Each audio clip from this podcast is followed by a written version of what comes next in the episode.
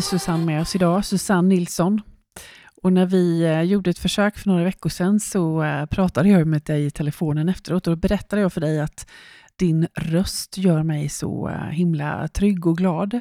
För nu till sommaren så är det ju 11 år sedan eh, som jag gick och utbildade mig till sorgbearbetare och då var ju du min kursledare, min lärare. Och jag glömmer aldrig de dagarna, de var helt fantastiska och jag glömmer aldrig hur lugn du var och hur cool du var och den tryggheten som du spred i gruppen. Ja, det var fantastiskt, så tack för det.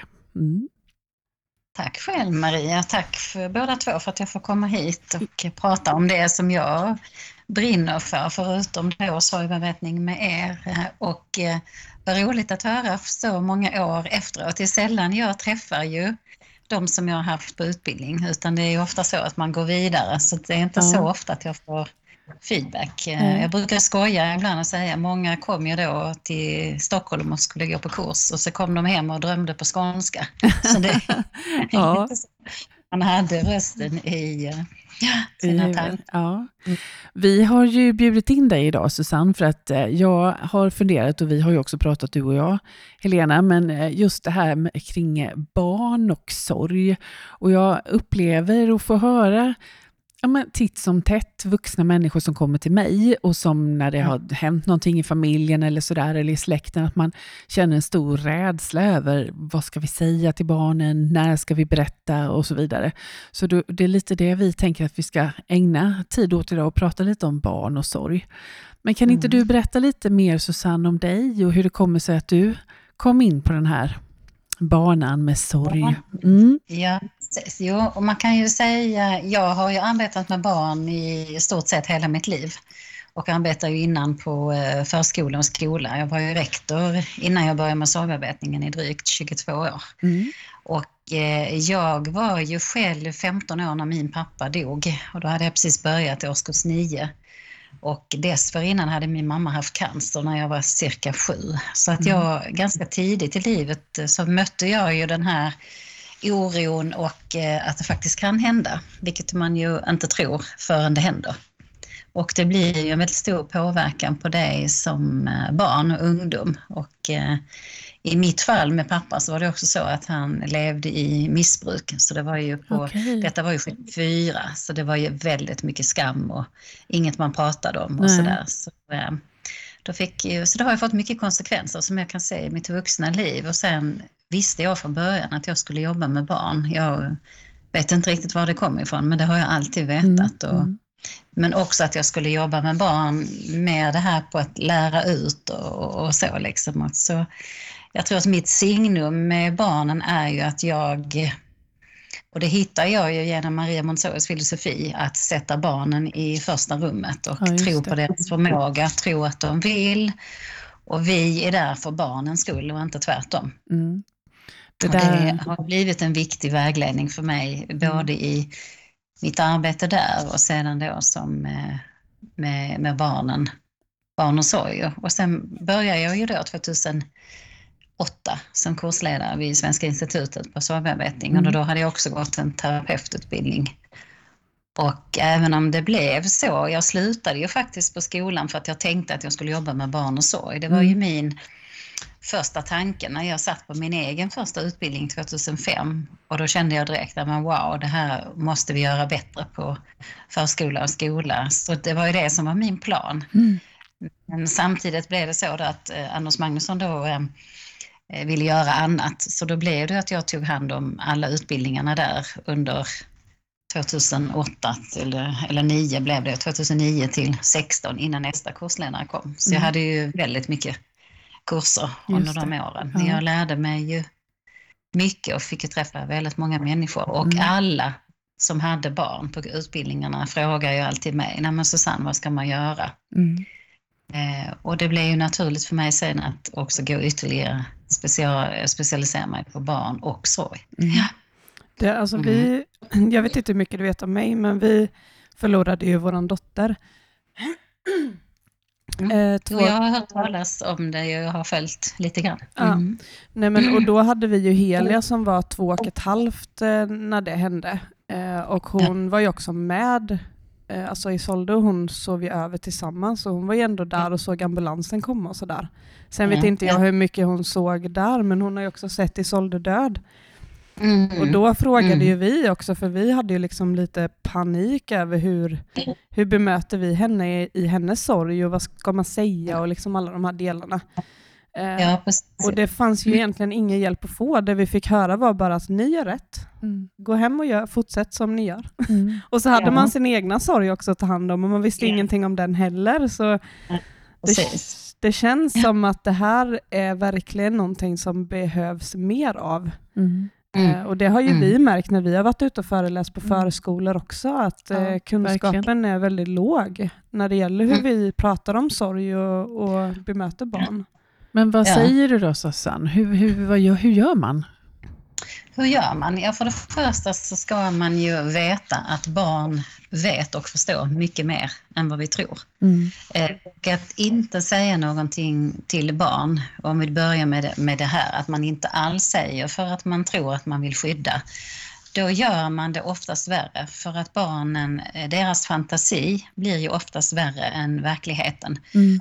Och eh, sen även om man gör det för man tror att man, de glömmer och de skyddas och sådär, men man gör inte det utan det Nej. blir ju värre och det leder ju också till tillitslist, eh, eller vad heter det, tillitsförlust eh, för de vuxna. För då, om du inte har berättat sanningen för mig, om jag får höra det via någon annan, Mm. då, då är du ändå den som ska vara min trygghet och jag ska ha tillit till dig. Så det, det blir ju fel på...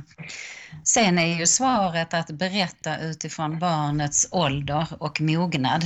Eh, om du säger att din, de var två och ett halvt år så har man ju inte förstått det här med att du död är död Nej. ur, ur ett perspektiv med sorg och att man är med. Det blir ju en traumatisk händelse för, för det syskonet med ambulans och allt vad som händer. Och samtidigt så har, var det, var det en flicka eller pojke, din äldsta? Det, det var två, två flickor. Två flickor. Mm. Så då, då är ju den äldsta flickan, då får hon ju vara med och se och väldigt beroende på, jag kan tänka mig att det är traumatiskt med alla vuxna runt omkring och sådär. Och det man får göra där är ju att förklara och, och svara på när hon frågar vad som har hänt och vara så ärlig man kan. Men med så små barn går man ju inte in i detaljer och så, Nej. för det kan inte de ta till sig, utan de kan ju fråga efter ett år, är Isolde fortfarande död? Mm. Och det betyder att hon inte eh, har förstått eller så, utan det är bara att hon är för liten helt enkelt. Hjärnan är inte så pass utvecklad. Och rådet ni har fått och gör som ni gör, fortsätter att göra det ni gör, ja då antar jag att ni har gjort rätt. Mm. att ni har funnits där och ni har svarat på frågorna och sedan så får man ju ta det efterhand. Man ska också veta att en traumatisk händelse betyder inte att barnet blir traumatiserat. Ja. Det tror många att, åh, för, att, för ett barn att förlora ett syskon eller en förälder är en traumatisk händelse Mm. för alla, även när du blir lite äldre. Men beroende på vilken hjälp du får och vilket Mm. stöd du får från de trygga eller från de vuxna i din omgivning så är det det som också har väldigt stor betydelse för hur man kan hantera sorgen. Och sen är barn olika. Det är så många olika, vad ska man säga, eh, saker som har betydelse. Hur, vad var det för relation till den som dog eller den som flyttade eller skilsmässa som också som jag brukar kalla, eller som pratar om sorg och eh, vilken, vilken eh, personlighet har barnet som upplever det här. Ehm, vi har olika sårbarhet för det här, vilket nätverk har man runt. Så att det är väldigt, det är väldigt många olika eh, orsak eller mm, påverkan som, eller som har påverkan på hur barnet kan hantera Så, så då, man kan eh, säga att, förlust. så man kan säga att man får tänka lite på hur man säger det, beroende på ålder och beroende på mognad och, och, och socialt nätverk och Absolut. relation och så till den Ja. som dog. Men Ja. för jag läste någonstans att just att det är inte sanningen som skadar barnen, utan det är undanhållningen av sanningen. Men att vi behöver tänka på hur vi säger det. Ja. Precis. Vi fick. Om man tänker till exempel till en eh, femåring. De har ju, eh, jag brukar säga att inga metaforer till barn som är under fyra år. För när man är fyra då börjar man dels få egen fantasi och sen börjar man kunna förstå Mm. att eh, man blir lite eller fem, sex, att död är död. Eh, Så då förstår man att man begraver husdjur och sådär, de kommer Mm. inte tillbaka. Eller, men man brukar rekommendera att barnen ska få vara med, de ska få titta på den som är död och känna. Mm. De, de är oftast inte... mm, Det är klart att det är traumatiskt om mamma och pappa liksom eh, är, dör, va? men de, de lever ju här och nu också. Ja. De kan ju inte göra som vi, överblicka konsekvenserna. Och sen när man kommer upp och är typ man blir i, lägre skolåldern, ja, men då kan man ju börja förstå att orsak och konsekvens. Min mamma dog. Aha, då kan jag inte, då kommer inte mina barn ha någon mormor. Då kan man börja liksom se Mm. lite snabbt kan man säga att okej, de här konsekvenserna kommer detta få för mig. Och i den åldern så tar man väldigt stort ansvar, man kan ta väldigt, känna ett stort ansvar att det är mitt fel det som hände. Mm. Det har ju lätt att ta på sig ansvarskänsla som man, man kan tänka sig då kan bli eh, en form av skuld, brukar vi ju använda då. Men Mm. det är ju inte skuld utan det är ju en känsla av att jag borde ha förstått det här Ja. magiska tänkandet. Att, Mm. ja, men jag sa, min pappa var ju tjock. Jag sa ju till honom att han skulle sluta äta godis. Då hade Ja, han inte fått en hjärtinfarkt. Nej. Resonera ett barn i, i typ 6-7 års åldern. För man tänker att om jag hade gjort det så hade det inte hänt. Det är ju, det är ju väldigt ungt för, alltså för att resonera Ja. så egentligen om man tänker. Ja, Ja. men det, det är lite grann det här, man kallar det, man, man säger magiskt tänkande, att det jag tänker blir sant. Och Det det är också så så. här att man kanske är ovän och så tänker man, åh du kan dö, Ja. dumma pappa eller så här. Mm. Och så är det en olycka dagen efter så dör de. Och då Så är det mitt fel. Ja, Mm. det var ju för att jag tänkte det liksom. Mm. Men det skiljer sig heller inte från hur vuxna tänker.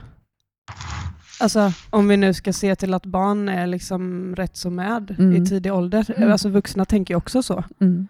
Ja, Och det gör man de. får, alltså, Ja. Det är ju, det är Ja, liksom likartat så därför så behöver vi inte undanhålla sanningen för barn heller. Nej. För nu märker vi ju Nej. här i samtalet Mm. att de, de, är, de skiljer sig inte bara för att man är barn Nej, eller vuxen nej. när det gäller det. Men jag tänker om sådana här uttryck som, du får säga till om det går för fort fram, men jag bara tänker på, alltså, som man kan säga så här, mormor har somnat, eh, farfar har gått bort eller så. Hur tänker du om sådana uttryck? Eller ska, Eh, rött eller ska vi, vi ska Eh, säga att han är död?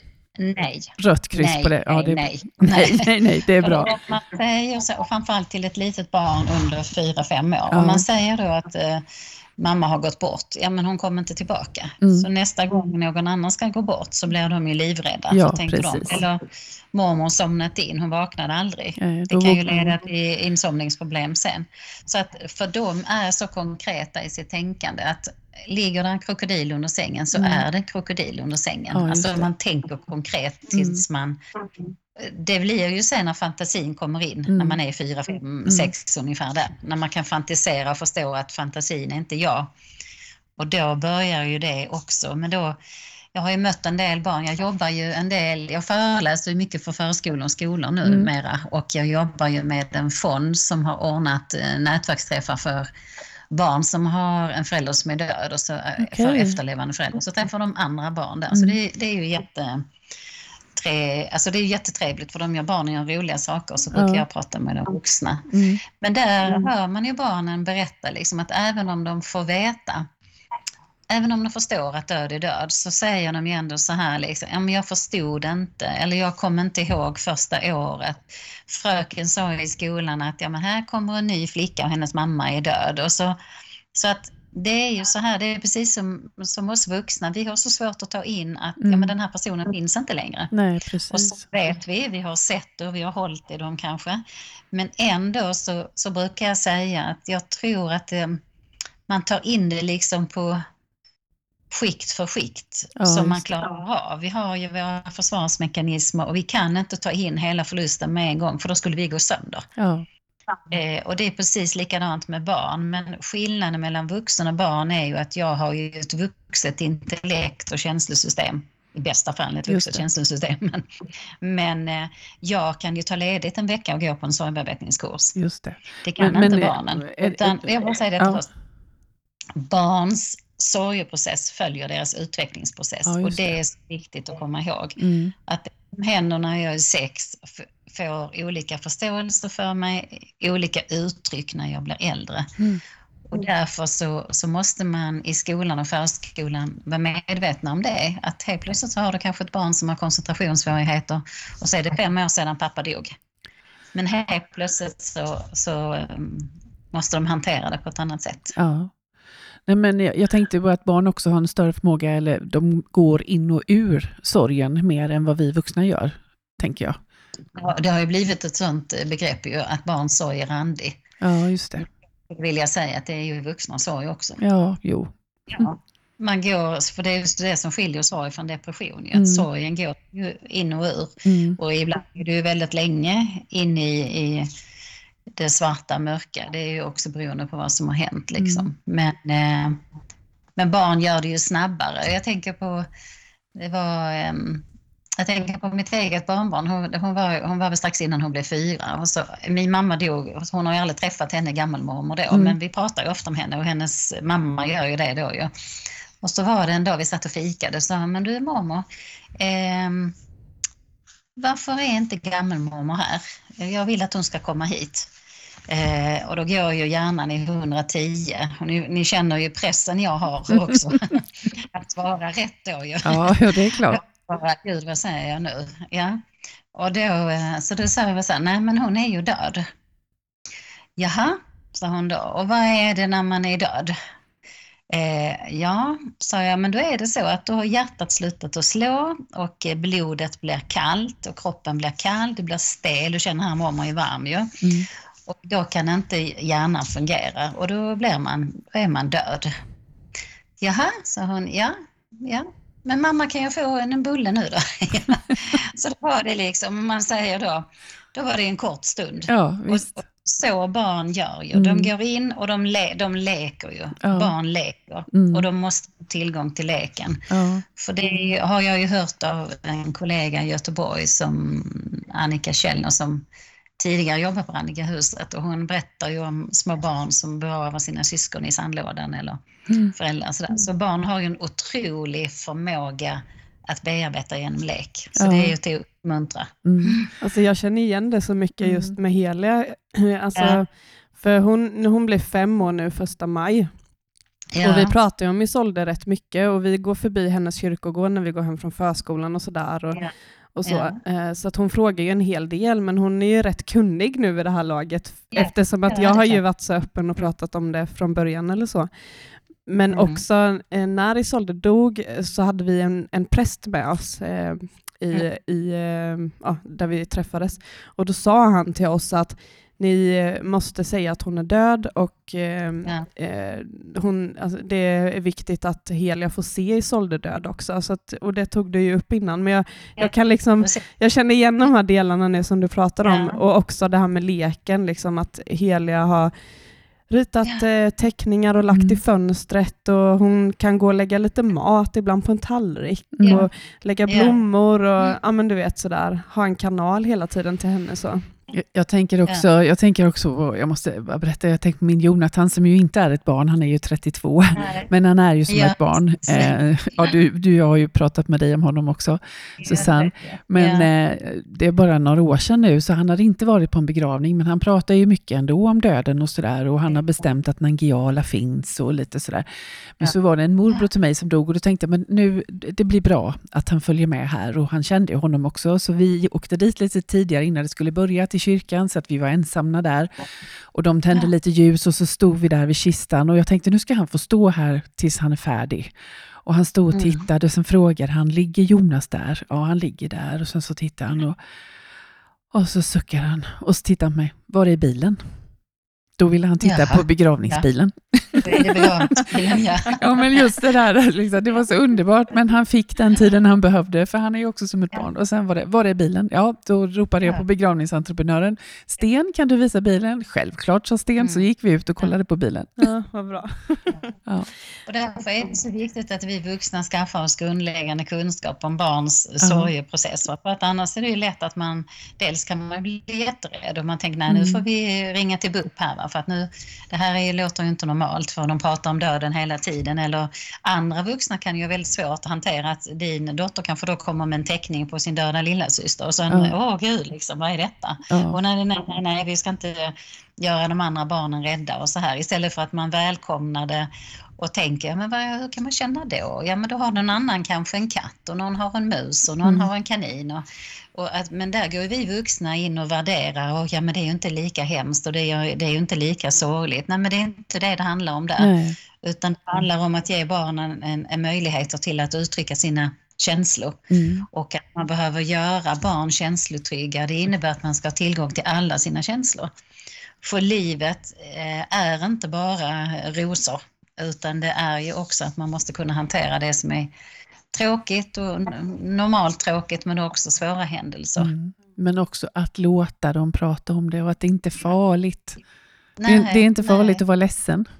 Nej. Och jag har många berättelser där, där vuxna har berättat att det har varit både, både de barnen jag träffar som har berättat då att de har varit med när mamma eller pappa dog och, och de eh, har känt på dem och de har klappat. Och, vi hade ett sorgbearbetningsläger. Då var de mellan, den yngsta var nu 11, ja, som var 11 och uppåt tror jag, eller 10 och 11 ja. Och på kvällen där när de skulle gå och lägga sig, då eh, skulle jag bara gå in och säga godnatt. Det var fyra tjejer och fnittrade och så här, så jag tänkte det, jag går bara och säger Mm. godnatt. Men, men då var det då, då var det någon som frågade mig någonting bara så här, men du Susanne, vad händer när man är död och vart tar blodet vägen? Mm. Och sen så var det någon som började prata med en annan då så sa men du var din, var din förälder också vit när, hon var, när hen var död? Och sen bara kände jag, ops, här får jag nog bara stanna. Så jag bara sjönk ner på en kudde och sen började de prata med varandra och ibland ställde de frågor till mig. Mm. Och då satt vi där i två timmar. Ja. Så att även om de då har förstått, de är äldre, Mm. eh, men ändå så är det frågor, sådana här faktafrågor.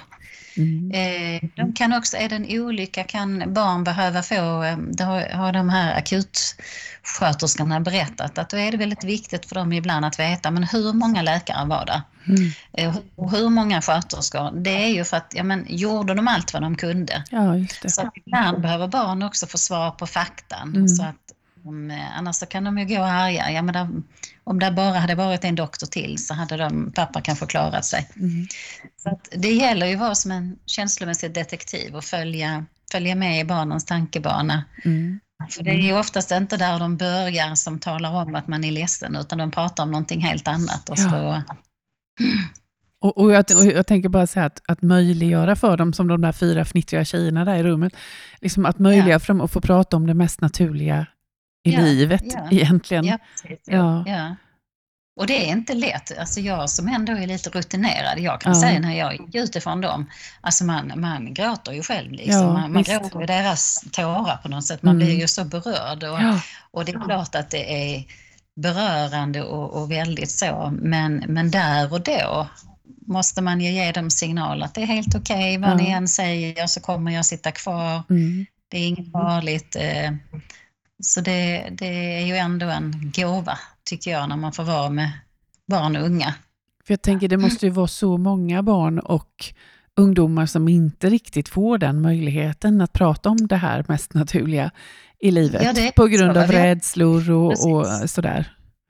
Vi har ju tio, tio barn om dagen förlorar en förälder i Sverige. Ja. Mm. Och en procent av alla barn eh, inom, innan de blir 18 år så kommer de förlora ett syskon. Vi har 66 000 barn som har separerade föräldrar. Ja. Så, sen har vi alla andra förluster också som, som ju eh, finns med. Så att det Sverige, det jag skulle önska är ju att Sverige för det första sätter nationella riktlinjer uppe Ja. liksom i jag, jag vet att det är många organisationer, BRIS och så, som jobbar på det och jag själv liksom också, att man hade haft det. Och sen så ska det ska inte vara beroende på var du bor och vilken pedagog du råkar ha och vem som, att du har tur och någon som kan. Utan det här ska ju ingå i lärarutbildning, skolsköterskeutbildning, Mm. i socionomutbildning. Alltså det ska ju finnas med och jag tycker 2023 att vi inte har det, tycker jag är skandal. ja, det är det. Eh, För det finns så mycket forskning som också visar att de här barnen löper ju en ökad risk för eget självskadebeteende, Mm. psykisk ohälsa och också ökad risk för för tidig död. Ja. Så vi har ju, vi har ju forskning på det Mm. och det eh, så det, det tycker jag det hade varit önskvärt, att, för då hade man ju Vi har ju FN och barnkonventionen så. Vi har ju mycket lagar som säger vad, man, vad barn har rätt till. Men man Mm. har ju ingen lag som säger vem som är skyldig att utföra det. Nej.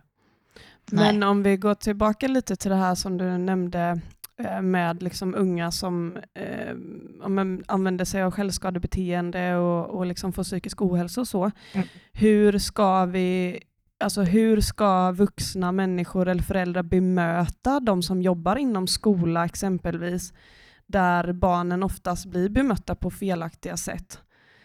För det är det som är det svåra, att du som förälder som själv är drabbad exempelvis vet ju hur det känns för dig Mm. när du får alla de här olika kommentarerna eller, eller liksom Ja, många Mm. använder tystnaden, man pratar inte om det, man låtsas inte att det händer. Eller här, nu är ni i skolan, eh, sörja får ni göra hemma.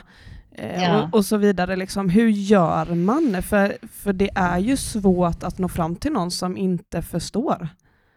Det är det ju verkligen och det är så tragiskt att höra också. Jag vet ju att det är många som beskriver det just att man känner sig som ett ufo nästan. Man är drabbad och, eh, och det är inte så att, så att man kan trycka på en knapp ju, utan Nej. det jag tänker det enda man kan göra är ju att, att säga till den som är rektor att eh, någonstans föreslå utbildning och lämna tips och, och, och också säga att jag accepterar inte att mitt barn eh, blir behandlat så här utan då får ni skaffa kunskap. Och där finns ju elevhälsovård eh, och även på förskolan finns det ju. Mm. Eh, Och jag tänker på BVC och ja, kyrkan och så. Det finns ju att man ska, och det, jag brukar ju liksom utmana när jag föreläser, men sätt dig ner på stolen här nu så blunda och så är du tillbaka så är du fem år. Och så dör någon som den som du älskar allra mest. Så bara försöka tänka den och ta in den tanken. Mm. Eh, och sen så kan du slå upp ögonen och vakna och sen är det denna morgonen är hon inte heller där och hon är inte där nästa morgon och inte detta mellanmålet heller och inte denna kvällen. Nej. Och gick denna julen och inte nästa. Och så, så här är det hela tiden för Mm. barnen. Mm. Och hur ska vi då kunna säga du får sörja hemma? Ja. Det är ju det är horribelt. ja, det är det. Jag Det tänker är, jag, också... jag tror att det är okunskap. Ja. ja, Men, det är, men jag tänker också det är lite så när man är ute på andra arbetsplatser, om vi inte tänker bara på barn, så är det ju också lite där bara, åh nej, vi får ju det här privata kan vi inte ta in på arbetsplatsen. Det Ja. får man lämna utanför, men det funkar inte riktigt så säger jag. Alltså öppnar vi den dörren så får vi människor som mår bättre på jobbet och kan faktiskt Ja. prestera bättre än om vi stänger dörren. Mm. Nu är inte det barn, men det jag tänkte just på det också, Men en så det- om- vanlig kommentar. Om vi ska Mm. vända det då till barnen igen så Mm. är det ju också så att andra föräldrar eh, pratar ju oftast att ah, nu, ja, men hon, den mamman är så ledsen eller de förlorade sin son och de har kaos hemma. Eller, och så hör Ja. ens barn vad man säger och så går de i sin tur till skolan och mobbar ut de som har blivit Ja. drabbade. Mm. Och sen då om det finns då andra vuxna lärare eller rektorer som inte har kunskap som tillåter på ett sätt att det här sker, att, att ja, men det var inte så farligt att de sa så, sånt får man räkna med. Eller, alltså man Ja. hela Mm. tiden liksom förminskar alla känslor och situationer, då är det inte så konstigt att eh, unga, eh, liksom, eh, unga vuxna eller, eller barn Nej. liksom, tar till självskadebeteende eller till och med kanske tar sina liv till slut för att man Nej. får inte prata om det och man får inte Nej, hjälpen man behöver. Nej, och det önskar man ju också att vuxna tänker, hade tänkt till lite grann vad det Mm. är och att man också tänker på vad det är man säger, att barnen också hör. Mm. Eh, Och barn kopierar ju beteende från, från de miljöerna de vistas i. Mm. Men där tänker jag att vi som jobbar som pedagoger och så, vi har ett större ansvar Mm. i att tillåta det och att ta upp diskussioner. Och det finns ju såklart många anledningar till varför det inte är så, men, men det tänker jag att ja, det gör det, men det hjälper inte. Nej. Utan vi är, vi är vuxna, vi ska vara bättre, starkare, snällare Mm. och det är vårt ansvar. Det är Det vårt är vårt ansvar. ansvar. Vi sviker barnen om inte vi ger dem verktyg för att hantera sina liv och sina kommande vuxenliv. Mm. Och därför måste vi också ge dem möjligheter att kunna få lov att hantera och bli trygga i det som när man är ledsen, när man är arg. Och Ja. Du får lov att vara arg, du får inte slå på din kompis. Nej. Du får slå här i kudden eller så, så Mm. kan du bli arg först och sen så kan vi prata sen. Mm. Så det är ju att tillåta känslor utan att... eh, Men då måste vi också våga titta på oss själva och det, det är ju där också som jag brukar ju förorda att man även om man är lärare och jobbar på förskolan och skolan så borde man precis som psykologerna ha lite egenterapi. Ja. det, för det är ju, du blir ju väldigt utmanad av barn också. För du, Ja. du blir ju väldigt... ehm, och det handlar inte om att man är professionell. Alltså även om vi är professionella, vi är ju människor. Ja. Och det där när någonting triggar en eller liksom påminner er om, en om någonting, det går ju så snabbt så du hinner inte agera eller, eller reagera liksom, utan bara tjoff och så är du i detta. Men du det- kan agera på, ett, på en känsla eller ett Ja. gammalt minne och sen i bästa fall så, så återfår du ju så att säga din professionalitet snabbt. Va? Men det är inte så lätt alltid. Men jag tänker på eh, när jag jobbar eh, med handledning i, skolans värld, vilket inte är ju lika ofta som inom andra verksamheter. Men, och nu säger ju inte alla så här, men det är ju många som säger så här, nej men vi är inga kuratorer, jag kan inte prata om det, här, jag är inte psykolog. Och jag brukar alltid säga så här, men kära du, du är människa. Och, och, Ja, du, och, du, och du behöver liksom inte ta ansvar för den här elevens hemmasituation, men ditt ansvar är att ha ett intresse för det. Det är så Ja. viktigt liksom, att ställa de där är, små frågorna. det, det det jag tycker är så tragiskt också för att med väldigt enkla små medel så kan man ju låta alla pedagogerna, eh, jag säger alla pedagoger, då menar jag alla som finns Mm. i förskola, och skola och fritidshem.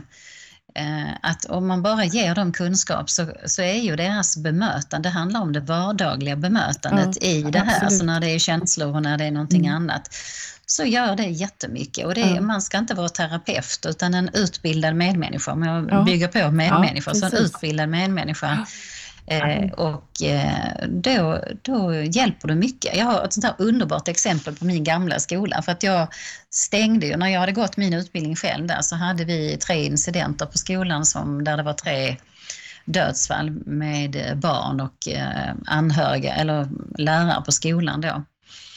Och då, ehm, och då kände jag bara, gud vad ska vi göra liksom? Och sen så gick jag eh, kursen och sen så stängde jag tre dagar och ner Anders. Då hade vi alla 40 lärarna som hade sorgbearbetning i Mm. tre dagar. Och så hade jag delat in dem så, så att de hade så lite med varandra att göra som möjligt, för vi var ändå en liten enhet. Och eh, kommunen var, eh, resursteamet på kommunen var jätteoroliga. Vad gör du Susanne? Och Tänk om du drar upp allting och så. Men jag sa, men Den, den kommentaren, jag tycker, vi ska inte dra jag- upp någonting. det kommer inte vara någon fara, så, men det är bra för då kan ni ha jour ju om det händer någonting. Så. Men eh, det jag skulle komma till det är ju att även så här långt efteråt, jag slutar ju 09 som rektor och även när jag kommer dit idag så säger de så här, men Susanne, det var något av det bästa vi har Mm, gjort med mm. dig. För att det har ju hänt mycket på skolan där nu och de säger att man är så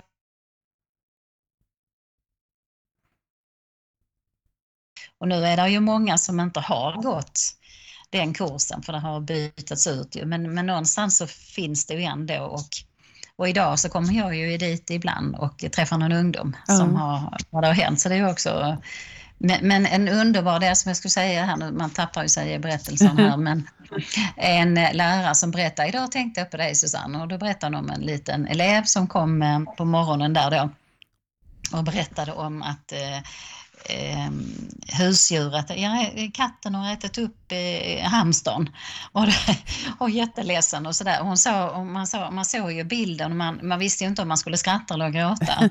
Men så sa hon, så tänkte jag på det här och så tänkte jag, nej, eh, vill, du, eh, vill du rita en teckning och skriva ett brev till ham, hamstern? Ja, det vill jag. Ja. Så, så, och så tog hon sig den här, alltså det, alltihopa tog kanske tio minuter och så Ja. fick han berätta om vad som hade hänt och så fick han eh, han eller hon, jag kommer inte ihåg vad det var, och så skriva ett brev till och så läste han upp det och så fick han en kram. Ja. Och sen så, jag är inte arga på katten, sa han då. Så jätte...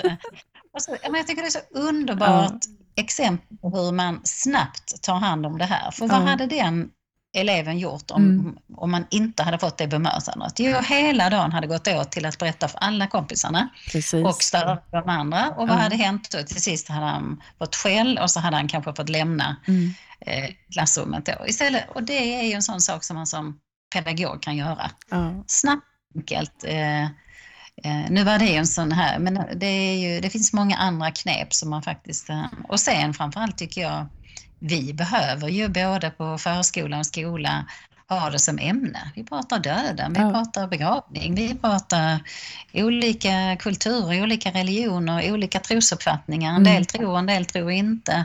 Vi har världens möjligheter eh, med barn Mm. att prata om de här ämnena, för de vill. De vill, ja, Alltså precis. jag måste bara berätta hur fantastisk vår förskola faktiskt var. Jag har nämnt det någon gång i något annat avsnitt, men de gjorde liksom allt rätt. Gjorde de. För att när, när. Isolde Ja. dog, eh, då informerade de alla föräldrarna om vad som hade hänt och sen alla barnen och de tog dit eh, en präst. Så barnen Mm. fick prata om döden och ställa frågor. Eh, och det här gjorde de liksom bara några dagar efter, alltså, så att det gick så snabbt allting. Eh, de hade ett bord med lite blommor, tänt ljus och en bild på Isolde, så alla fick gå fram och liksom prata med henne. Eh, och sen så fick de eh, gå, eh, de gjorde en egen begravning, så de eh, hade samma präst som de sen åkte till kyrkan där, hon också, där vi hade begravningen. Och vi hade också den här prästen, så att han fick liksom följa med hela.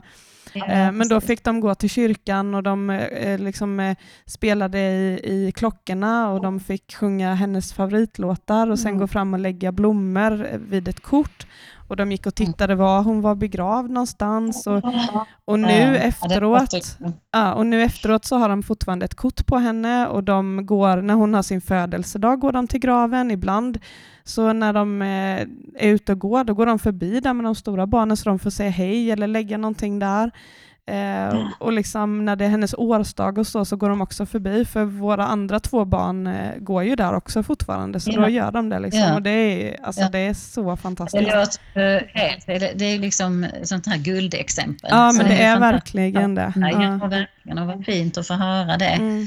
Så det är så lätt att man bara får höra de dåliga exemplen. Och det, Mm. och det är ju på ett enkelt sätt att bevara minnet och bevara personen och, Mm. och, och just att också lära barnen att man kan prata. Mm. Ja, För det handlar precis. här att den känslomässiga relationen fortsätter ju även efter att någon är död eller har flyttat. Mm.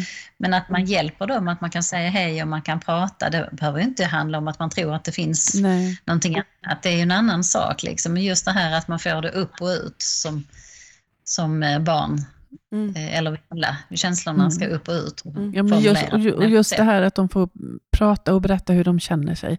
Jag hade en Ja. pedagog för några år sedan som gick sorgbearbetning hos mig. Och hon jobbade väl med barn som var sju år ungefär, så här, sju, åtta år. Och så var det någon liten flicka som kom in efter rasten, ni vet, och det hade varit bråk och det var stök och sådär. Ja. Och då istället för att då som hon vanligtvis hade gjort innan, reda ut och fixa och prata sönder det här, så böjde hon sig ner till den här flickan och så sa hon, vad, vad var det som hände? Och så fick Ja. flickan berätta, ja, och så fick hon berätta hur hon kände det, så, så pip, pep hon iväg. Sen kom hon tillbaka sen efter lunchen så sa hon så här, du, det, det har gått över nu. Så. Ja. ja. ja, men det är ju det här. Och vi måste ju också veta att vi kan inte jämföra med, nu har vi ju olika generationer här, men, men jag som är lite äldre än, än i alla fall Helena. ja. Precis. Jag Eh, tänkte, jag tror det inte det är så stor skillnad på oss. Ja. Nej, men jag tänker också att det är ju inte som, utan barn idag pratar ju väldigt mycket känslor. De är ju väldigt, eh, de är ju väldigt vakna liksom och, och de, får, se- de så mycket intryck de får överallt. Så det är klart att deras hjärnor går ju på högvarv och de, Mm. de blir ju också väldigt eh, tidiga och utvecklade på gott och ont kan Mm. jag ju säga också. Men, men det gör ju också att de kan formulera sig. Mm. Men vi, man brukar säga som så här med barn att de har väldigt svårt att säga vad de känner. Så man, ibland kan man fråga dem, vad tänker du? Ja, just det. Och vad de tänker leder oftast till känslan. Till känslan, och sen ja, precis. får det gör ont i magen eller man Mm. så, så kan man ta det därifrån och så. Och ofta är det så, vill du ha en kram? Mm. Ja, Mm. sen så är det bra. Ja, Jag gillar Men- att men- Helia det. Ja, men det där var, jag måste bara, det där var ju så fint Susanne. Just, alltså, Mm, mm. just att man ibland tänker, men, jag, men de säger inte vad de känner. Men Nej. den frågan istället, vad tänker du? Ja, Så leder det du? till känslan, den är ju ett, toppen. Den kan man ju Ja. använda på vuxna också. Ja, ja. Det, är, inte- det är inte alla vuxna som är så nära sina känslor heller. nej, precis. Men det där med det- kram är roligt tycker jag, för att det har jag ju lärt Helia, så när hon blir ledsen och jag inte frågar henne om en kram, då kan hon bli så arg på mig och bara ”Mamma, du har ju inte erbjudit mig en kram!” Jag bara ”Men gud förlåt, det är klart du ska Ja. ha en kram”. Ja. Och precis på samma sätt får man också acceptera att även barn, alla barn är ju inte känslomänniskor heller. Nej. Så att även om de flesta, men även vuxna, liksom, de som har instrumentell sorg, de, de är ju mer kanske att de gör saker, de fixar Mm, saker och mm. det sörjs på insidan. Och det kan ju vara väldigt svårt i, i en, relation till exempel. Ofta är det så att man kan få sörja på olika sätt Ja. och så kan man, kan man då tycka, men sörjer inte du, är inte du ledsen? Jo, men jag, jag gråter inte liksom, eller jag gör det på ett annat sätt. Mm. Och Så det är också med barn att eh, det är viktigt att man frågar. Ja. Vill du ha en kram? Ja, eller får jag ge dig en kram tycker jag är det bästa. Ja. Man, Men jag Ja. tänker också, frågor som jag också ofta får, det är utifrån alltså, mammaperspektivet eller pappa. Hur, alltså, man känner sig osäker, en del känner sig osäkra och det finns rädsla hur mycket man ska berätta. Att man själv är ledsen och så. Vad tänker du om det, Susanne? alltså jag tänker att jag, de ser ju ändå att man är ledsen. Mm. Så att säga att det inte är det blir ju bara konstigt. Eh, Men det är ju jättesvårt då, för oftast är ju föräldern, precis som du berättade Helena, du har ju din egen sorg och sen har man båda två i relationen en sorg, så har man ett barn att ta hand om. Så att det blir ju, det blir ju en familjesorg och det blir ju väldigt svårt. Mm. Eh, och eh, har man då inte någon annan runt omkring som kan avlasta och så, så brukar jag ändå säga att man får ju säga att man är ledsen eller man är arg. Mm. Men försök att, liksom, att det inte det skiftar så att barnet börjar ta hand om föräldern. Så att man lägger hela sin sorg i barnets knä. Ja, just För det. det är ju väldigt tungt och svårt för barn att hantera. Mm. Eh, och det kan ju vara, det är en svår balans, det får man nästan känna sig för Mm. eh, hur det ser ut i familjesystemet och så. Men barn har ju en, en eh, naturlig näsa brukar jag säga, att sniffa sig till var Mm. ansvaret inte, där inte Ja. vuxna tar ansvar, det tar de. Mm. De går in och försöker, eh, och, och förskolebarn har också en tendens att göra det normalt igen. Mm. Man vill ju att det ska bli normalt igen, Mm. för man vill ju inte att föräldrarna ska vara ledsna, utan de ska vara glada igen, för då blir de trygga. Just det. Och så försöker de kanske hjälpa till och bli klan och göra det roligt. Och, Mm. och så kanske de parkerar sin sorg. Och Mm. Tonåringar till exempel, de brukar man ju säga är, det är ju så viktigt där liksom att vara med kompisar och så, så de kan gärna parkera sin sorg och så säger Ja. de nej men det är lugnt, va, jag tar det sen. Och Mm. eh, kan, vara lite, kan vara lite rädda för, Gud, vad nu detta? Helt plötsligt går Siri på. Ja. att helt plötsligt så um, Alltså det är rädda för starka känslor Mm. och, och så här. Så det, det säger man ibland med tonåringar och de kan ju också ställa lite fler hypoteser om framtiden och hur det kan bli och vad det... Ja, det finns ju mycket tankar. Jag har faktiskt varit idag, em, kom precis, så jag är liksom inne i barn och sorg-tänket idag. Mm. För jag har varit på en gymnasieskola tillsammans med em, en regissör som har gjort en film som heter Döttrar. Mm. Och det är en dokumentär som har, ja den visas på lite olika småbiografer och sådär, så det är lite svårt ibland att få att se den. Men eh, Jag såg den på din hemsida, hade du lagt ut. ja, just det. Ja. Ja, det hade jag. Ja. Ja, precis. Så jag har lagt på, eh, man kan ju inte se filmen, men man kan, eh, jag vet inte riktigt var den går, men i alla fall så hade i skolan, vi hade 150 elever i årskurs 2 som är då media och beteendevetare, samhäll och psykologi. Och, eh, då tittar de på filmen och filmen handlar om tre flickor som är 8, 10 och 16 när deras mamma eh, tar sitt liv. Mm. Och sen så filmar Jennifer dem eh, under 10 år. Så att idag är de ju vuxna, de Ja. är ju vuxna kvinnor idag. Och så får man då se hur, ehm, hur de ehm, Ja, alla, alla scenerna visar ju hur barn hanterar sorgen Mm. men också hur de är mitt i livet. Det är också så här, ja då är de med djuren och så ryktar de hästen och sen helt plötsligt så börjar de prata mamma och så gråter de och så försöker de prata om sina gemensamma minnen och de var Mm. väldigt olika åldrar. Så, så det är så jättefint. eh, Och så frågar jag då några tjejer som stannar kvar efteråt där, så frågar jag dem, men vad tror ni liksom det beror på att det är, för då hade de ju psykisk ohälsa som ett temaarbete Ja, nu det, på ja. psykologilektionerna. Ja. Så sa men vad tror ni det är som gör att så många utav er i er ålder liksom har dåligt mående? Och då svarade de och sa, nej men vi tror det är sociala medier för att man ska alltid vara snygg och man ska leva upp till det här och även om man vet så är det ju det. Och sen var det också att eh, stressen, skolan, det här Ja. eh, dåliga skolsystemet, man kan ändå aldrig få ett A till exempel. Och alla de kände hade magkatarr, Ja. till och med barn på lågstadiet. Och sen var det tredje var ju, ja så allting som händer i världen och mina föräldrar Mm. har sagt att jag ska ta bort notiser för nyheter eh, och så här. Och så, och så då tänkte jag, alltså, att, åh, jag längtar tillbaka till att vara i den miljön. Men, ja, men precis. det är ju de vi måste fråga. Ja. Det är deras verklighet. Vi måste fråga dem. Så sa men vad tror ni att man skulle behöva göra då för, Mm. att, för att det skulle bli bättre för er? Ja, men då måste man ju ha det i skolan. Man skulle lära sig det i skolan tidigt och, och så här. Och, då, och liksom hela mitt system går igång då. Liksom. Jag tänker det är så enkelt. Och lära dem ha en stresslektion och vad händer Ja. i hjärnan och träna mindfulness. Och, och det Mm. finns säkert skolor som gör det. Men, men det här med, eh, vi kan inte ta bort det idag från skolan. Nej. För vi lever i ett helt annat samhälle. Vi måste eh, våga möta de unga i Ja. de här frågorna tidigt i livet och, och framförallt de här som är då, här pratar vi ju om ju liksom mellan 16 och 19. Mm. Och så Ja, det, i- det, min eh, bonusdotter, jag tror hon gick sexan, så pratade vi så här hemma en dag och då sa hon så här, men kan inte du, kan inte du komma till min klass och liksom prata om de här sakerna? Och då sa jag, jag måste ju fråga först. Så, där. så det gjorde jag ju då, naturligtvis. Eh, Frågade rektorn på den här skolan och berättade utifrån hennes eh, frågeställning och att hon ville gärna jag skulle komma. Och, och det gör jag gärna, så. Men jag hörde aldrig någonting. Jag fick aldrig, Nej. ens, jag fick aldrig ens en feedback om nej tack eller synd, tycker Ja. jag. Eller hur? Mm. För det, Ja, verkligen. För att det är... ehm, nej, så... ehm, det är väl det. Och jag tyckte var så, jag var så glad att jag fick en chans att ställa de där frågorna bara Ja. till de här några stycken. Och då hade jag pratat med en som jobbar som kurator lite tidigare på högstadieskolan och så ställde jag samma fråga till henne Mm. och hon svarade likadant. "Nej, Men jag Ja. tror att det är eh, mycket sociala medier Mm. och sådär. Och, ehm, ja. Så vi får bara fortsätta. vi som- får bara fortsätta. Mm. Vi gör det med. Ja. Men, eh, men eh, ska vi avrunda lite nu? ja. Vad- vad- hur skulle du vilja sammanfatta? Jag, någonstans tänker jag så här, Susanne, är det, är lite slarvigt uttryckt, är det lite så att det, det är farligare att vara tyst än att prata om det? Ja, jag skulle vilja säga så här. Visa omsorg. Ja. Våga fråga.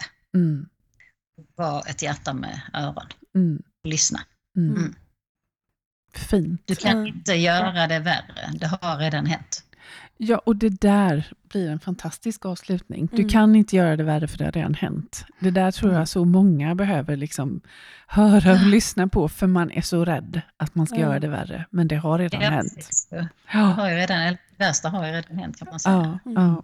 Mm. Men jag tänker också om det nu är så att det är någon som jobbar inom skola eller möter ungdomar eller så som skulle liksom vilja ha mer kunskap, hur får man tag på dig? Då kan man bara lägga ett mejl till mig. Eh, eh, Susanne snabelaspirio.se. Det har ju ni och Mm. så är det bara kontakt. Ja. Och jag kommer mer än gärna Mm. och eh, håller ett föredrag och har samtal. Men vi, Ja. eh, vi eh, länkar till dig också på Ja, våra gör vi. sociala kanaler, Mm. naturligtvis. Det är precis Och- som jag gör till er. Ja. och, ta- Ja. och tack innerligt eh, Susanne för att du kom hit och pratade Mm. om detta. Det känns som att man skulle kunna prata en hel timme till. Ja, alltså det här är ju ett ämne som jag brinner jättemycket för Ja. eftersom att jag själv har fått uppleva det från Mm. den värsta sidan eller vad man Mm. ska säga. Ja, precis. Eh, Ja, verkligen. men, eh, men vi föreläser ju också på, för, på Ja. förskolor du och jag Maria Ja. och det behövs ju Ja, det gör verkligen. det. det, gör det. Eh, gör Och, det. och jag, jag tänker ju också väldigt mycket på den här gruppen med intellektuella funktionsnedsättningar. Mm. Eh, Där är det också superviktigt. Jag hade ett samtal med min sons assistenter bara för ett par veckor sedan, just det här om om morfar eller mormor dör, så, Ja. vad, vad, hur ska vi göra? Och just det här när man får liksom, låt han, ni måste låta han vara ledsen, ni måste låta han gråta, han Ja. måste få ställa alla frågor. Det är så viktigt att lära Mm. ut det vi kan. Ja men verkligen. Det Mm. minns jag ju att vi pratade om när du gick i utbildningen. Ja, Så det har, har funnits kvar i mig. Jag, men jag tänker också så här att ni har ju båda, vad jag förstår, har du också gått sommarbeting Helena? Ja, så, precis. Jag, Ja. jag är Och så- ju men- också utbildad handledare. Mm. ja, Så, ja ja. precis. ju. Mm. Och då är det ju så att bara det här genom att, eh, att utbilda de vuxna så, Mm. så kommer de ju själv kunna ställa om det. Ja men gud, det är ju så här vi gör med barnen. Så Mm. att, det, det är ofta är det ju så att föräldrar kanske kontaktar mig och så börjar jag hjälpa föräldrarna och sen Ja, de hjälpa sina barn. Ja. Och då, Att, eh, då blir det, jag skulle också vilja säga här att man avdramatiserar det här också. Ja. För vi är ju som åh barn. Och så gör vi det liksom, vi låser in det istället för att man avdramatiserar det Ja. utan att förminska det. Precis. Men att förstå att bara genom att vara trygga vuxna så gör vi jättemycket. Mm. Så hjälper vi dem jättemycket. Men det vet jag Maria, när vi var föreläste på en förskola så pratade vi om det här exemplet om ett barn trillar. Att vi oftast eh, går fram och säger så, det gick bra, upp igen, hoppa. Liksom. Ja. Men att man istället Ja. låter barnen sätta känslan själv, att så här, men det gick inte bra. Eller det gör ont. Och att då Ja. var det ju pedagoger som sa, men vi kan ju inte låta barnen känna fritt, då kommer liksom deras känslor ta över eller det blir för mycket. Ja.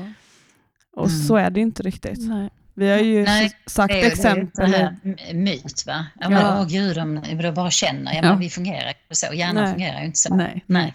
Mm. Så att det, det är väl också en sån här vi, vi, har, vi ifrågasätter sällan det vi gör utan Ja. vi bara fortsätter. Mm. Men avslutningsvis, Mm. en gång till Susanne. Du använder ordet förminska, den meningen. Vad sa du nu? Du Förminska? använde ordet förminska, jag kommer inte ihåg exakt vad du sa precis nyss. Eh, Ja, vad var det jag sa då? Det, vet, det är Stött- så att det jag tror du går sa- så snabbt. Jag, jag, precis, jag tror du sa någonting, stötta, lyssna eh, och så. Nej, men jag säger så här, visa omsorg. Visa ja, omsorg. Visa omsorg och våga fråga så Ja. att man vågar. Och liksom du som är vuxen måste ju gå före och visa vägen. Ja. Eh, och eh, så som du gör Mm. och hanterar din sorg så kommer ju barnen göra. Ja. Så att det får man också tänka på att man är en förebild ju. Men att man inte... ehm, Nej, men man får inte, man får inte, barn är ju kloka, så man får inte förminska deras känslouttryck eller deras sorgeprocess, utan de har ju rätt till att sörja precis som Ja. vi vuxna. Mm.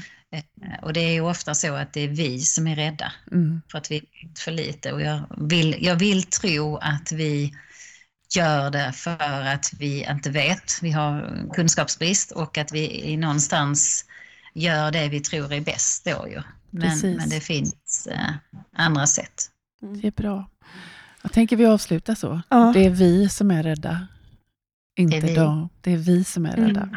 Och så tackar vi dig och så skickar vi ett hjärta till dig, Ja. Susanne. ja, Tack själv, tack för att jag fick komma. ja, tack så Tack så jättemycket. jättemycket. Tack. Hej då. Hej då.